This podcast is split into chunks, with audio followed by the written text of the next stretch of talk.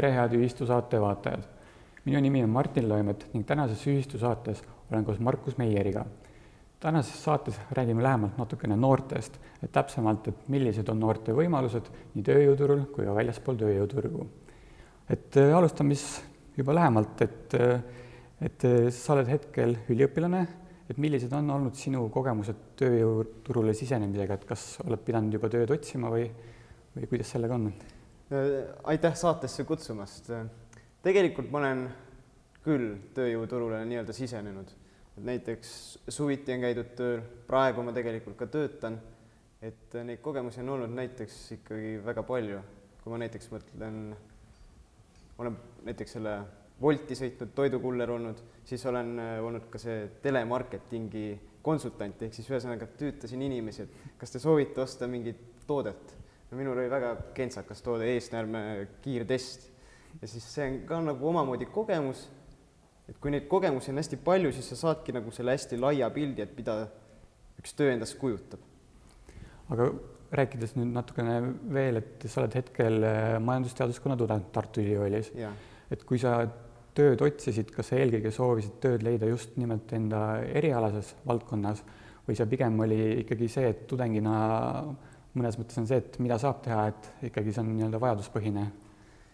no ütleme näiteks, kui ma Wolti sõitsin või toidukuller olin, siis äh, tegelikult äh, ma veel ei olnud äh, siis nagu majandusteaduskonnas, aga ikkagi ma leidsin, et see on nagu mingi selline töö, mis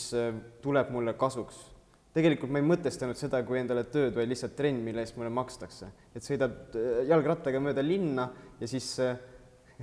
raha tuleb lihtsalt aga selle hulgas siis ta-, toimetad lihtsalt pakikesi edasi ja noh, niimoodi inimestele. ja muidugi see telemarketing, see on, mõnes mõttes ta on nagu selline suhtlusoskust arendav äh, tegevus, et sa pead ikkagi oskama nagu moosida inimest, et ole hea, et see on hea mõte, et sa pead seda ikkagi ära ostma. Ja kui, ja kui sa selle müügi kirja saad, siis tegelikult on hea tunne küll aga kuidas, äh, kuidas on, et tunne, tunned, et sellest oskusest on tänaseks abi ka olnud palju või? ma arvan, et on küll, sest et äh,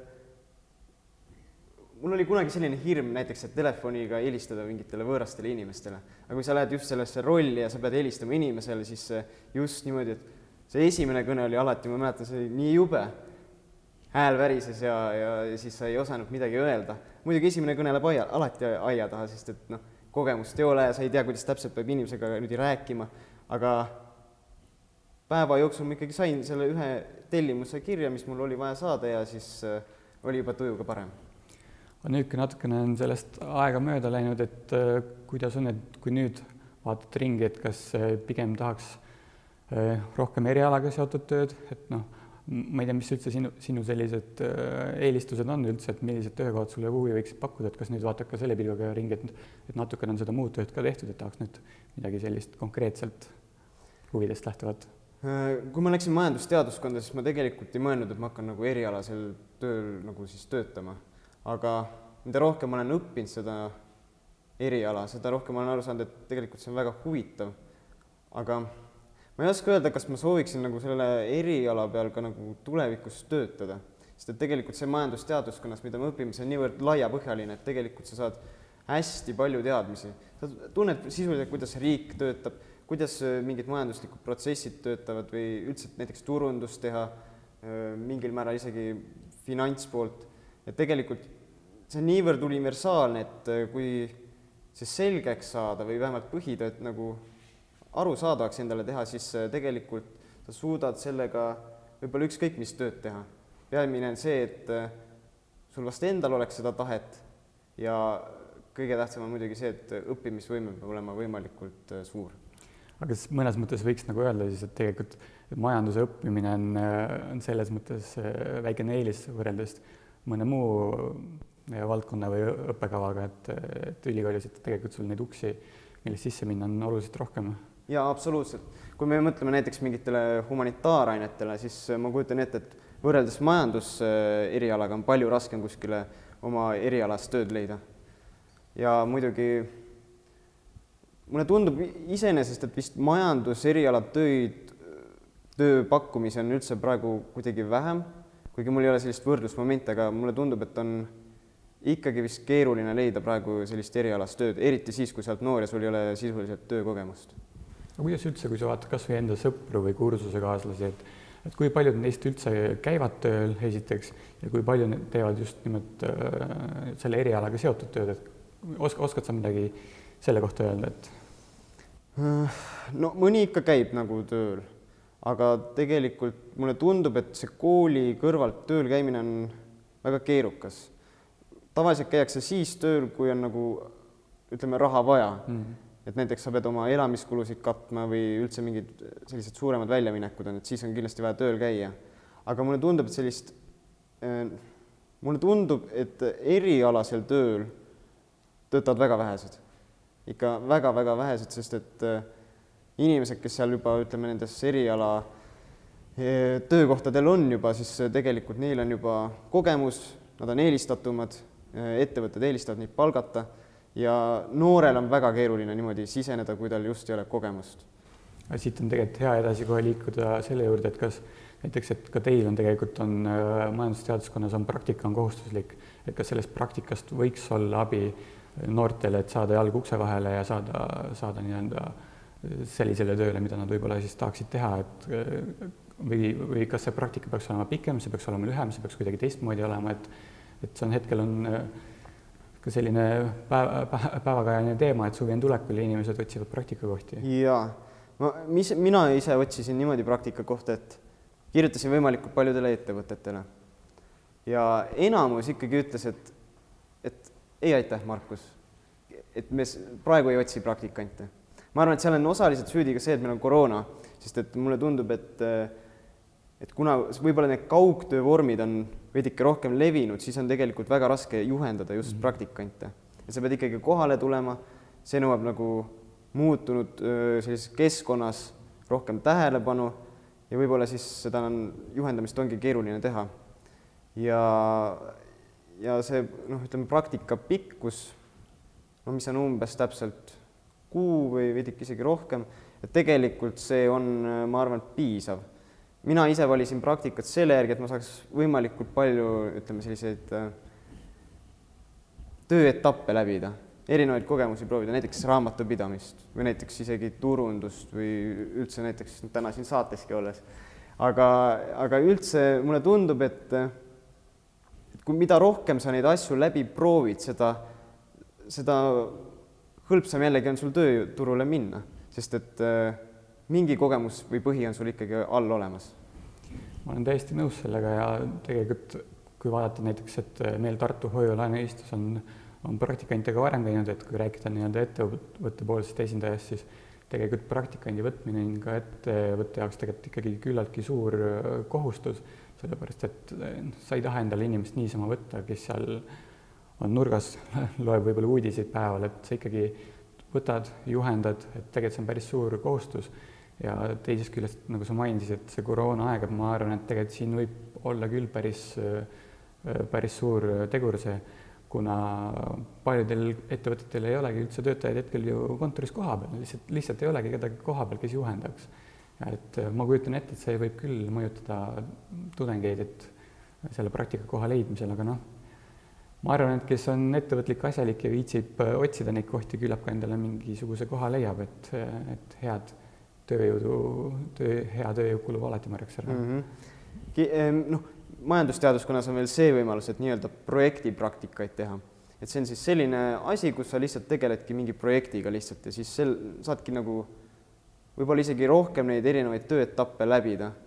aga seal ka on muidugi see, et et võib-olla seal peaks olema nagu suurem klapp selle meeskonnaga, et see projekt hästi õnnestuks. ja tegelikult ma mõtlen, et kuna meil on nagu hästi palju erinevaid vabatahtlikke või võimalusi näiteks erinevates tudengiorganisatsioonides olla, seal mingeid äh, üritusi korraldada näiteks või üldse mingit äh, sisu poolt seal teha, et see ka tegelikult on mingil määral ettevalmistus nii praktikaks kui ka tegelikult tööturule sisenemiseks. aga ma eeldan, et see projektipõhine praktika on ilmselt siis pikemaajalisem, et äh, või, või kuidas, kuidas see täpsemalt võiks toimida, et või, või oskate äkki mõnda näidet tuua, et kuidas see päriselus toimib? Äh, no nüüd ma vist jään jänni veidikene, sest et äh, ma konkreetselt ise projekti praktikat ei tee, aga mulle tundub, et tegelikult see nõuab vist isegi rohkem sellist süvenemist, töötunde, sest et kuna meeskond on olemas, siis võib-olla seal nagu ütleme, toetutakse teiste eh, tiimiliikmete peale, sest et näiteks mõne inimese töö võib-olla sõltub kellegi teise tehtud eeltööst ja seetõttu on oluline, et need meeskonnaliikmed seal omavahel saaksid nagu hästi läbi, töö saaks eh, kokku lepitud tähtaegadel tehtud ja et olekski selline hea meeskonnatunne. kindlasti seal on ka vastutust rohkem. just. aga räägime natuke rahast selles mõttes, et et kui tuttavad näiteks kas või otsivad praktikakohti, kas üldiselt noored sooviksid ka praktika eest kohe raha saada või ikkagi eeldatakse pigem, et noh, tõenäoliselt ei saa, et see, see tuleb lihtsalt äh, ära teha ja ongi kõik või kuidas selles osas mulje on? Mm, mulje on selline, et tegelikult kui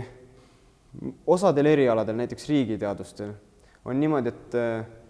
sinu praktikavõimalused üsna piirduvad sellega, et sa oled avaliku sektori mingisse organisatsiooni praktikale ja seal reeglina ikkagi ei maksta sellist äh, töötasu. nii et mõnes mõttes selline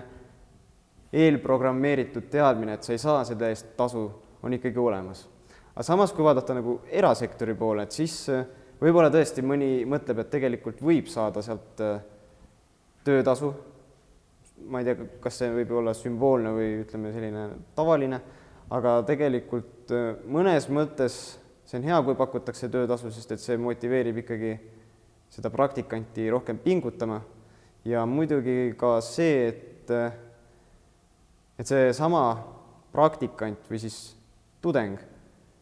tal on ka ju vaja tegelikult ju oma elu elada, ta peab ju mingid kulutused ikkagi tasa tegema, et ses suhtes ta, ta teeb küll tööd, mis nagu võib-olla ei anna päris töömõõtu välja, aga tegelikult oleks hea, kui ikkagi saaks selle töötasuga. loomulikult, tegelikult, mis ma omalt poolt äh, võin öelda veel, et tegelikult ma arvan, et see noore inimese ettevõttesse nimetame, kuidas meelitamine või tööle võtmine, et tegelikult see on kindlasti pikaajalise vaatega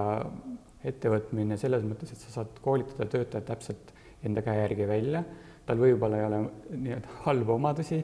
nii palju, tal on kindlasti energiat palju, tegutsemistahet on, et kui sa suudad seda, selle noore inimese ambitsioone täita, selles mõttes, et suudad talle pakkuda neid võimalusi, et ta saab ennast teostada, et siis ma arvan, et see võiks ettevõttele kindlasti kasulik olla, et et noor inimene ei ole, kindlasti tal ei ole seda mugavustsooni tekkinud, et minu arvates võiks olla kindlasti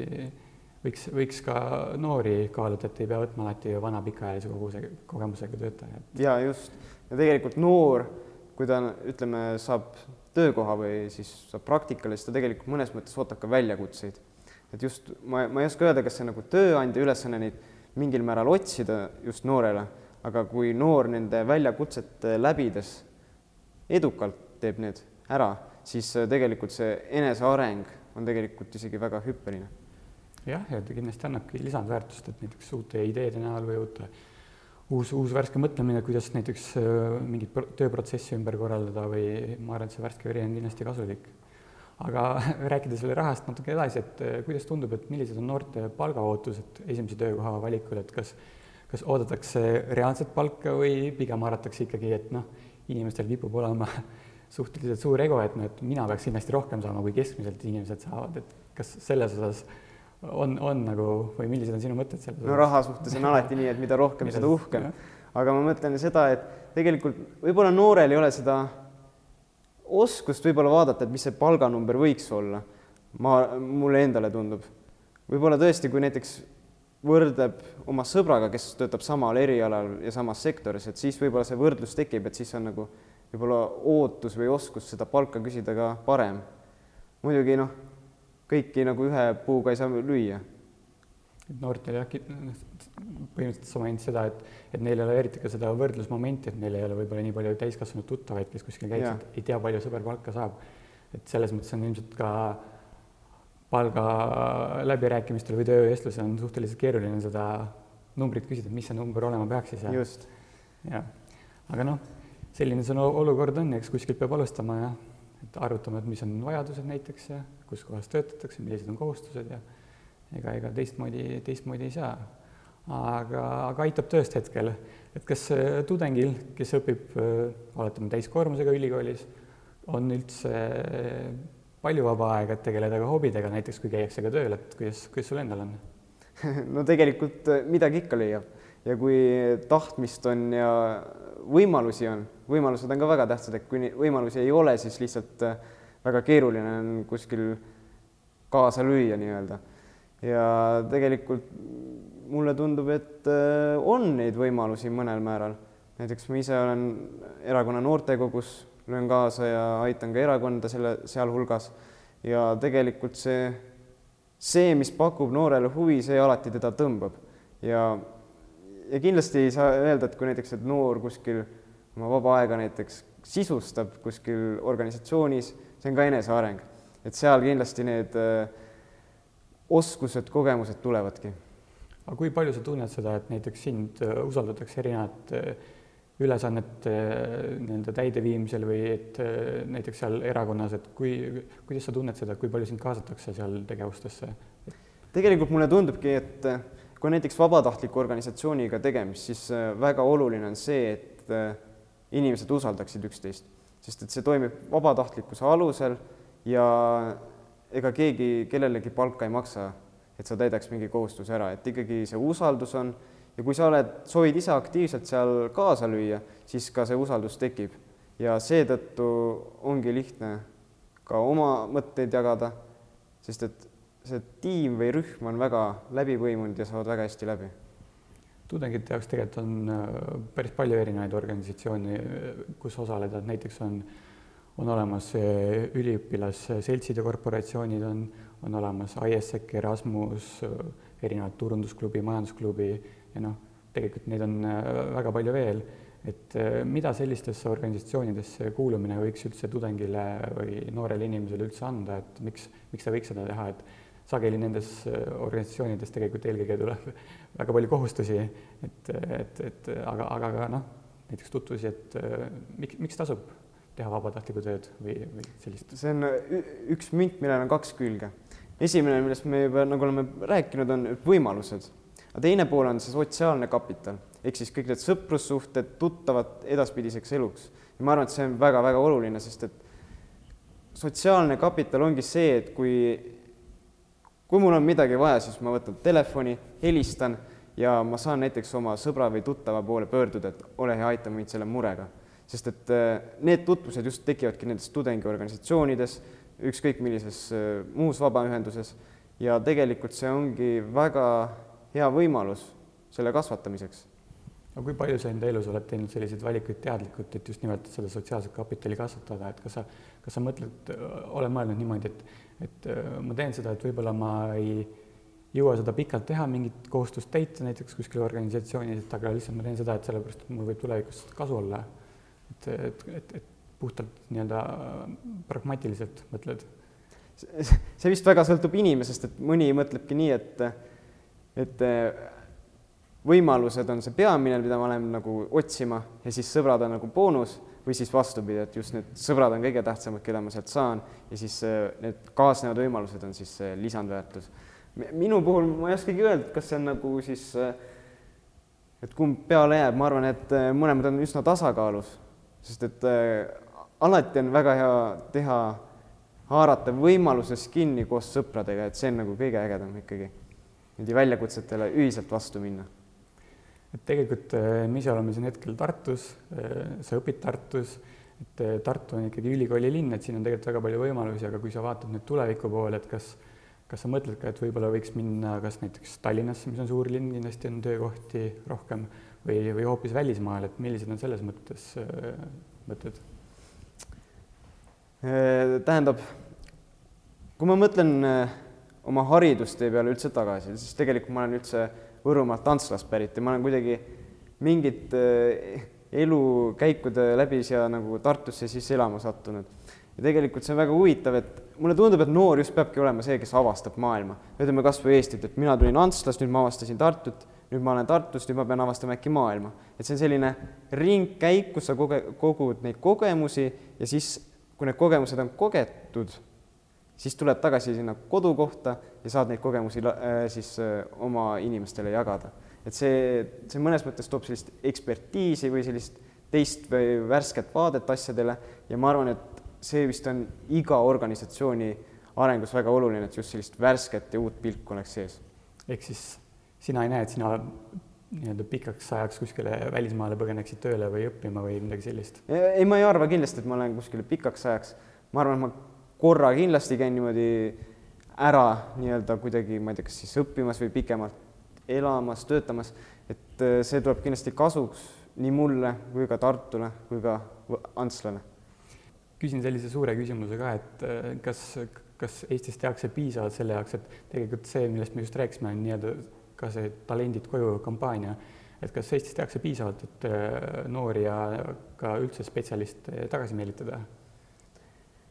See, mulle tundub, et sellega on nii, et kui sul kodukohas ei ole neid võimalusi, kus sa saad seda oma kogemust või oskusi teostada, siis tegelikult need talendid ei tule koju tagasi. et selleks peab olema väga aktiivne kohalik kogukond, kohalik võim, et neid võimalusi üheskoos luua. et äh, ma arvan, et see on, need on need võtmemärksõnad, mis, mis äh, aitavad nende võimaluste loomisele kaasa. jah, sest tõenäoliselt on ka seal see, et kui inimene on kuhugi juba jõudnud enda töö, tööelus, ta soovib ikkagi väljakutseid, et see, need ei ole sellised inimtüübid, kes tulevad Eestisse tagasi lihtsalt nii-öelda istuma. et mingi lihtsama, lihtsama töö peale, et nad ikkagi otsivad väljakutseid ja kui neid väljakutseid ei ole, et siis, siis küllap nad, küllap ongi keeruline neid meelitada siia. aga ma arvan, et sellega meie tänane saade on lõppenud, et tegime põgusa sissejuhatuse noorte teemadele, võib-olla mõnes saates jätkame aga täname kõiki, kes saadet vaatasid ja kohtume juba järgmises ühistusaates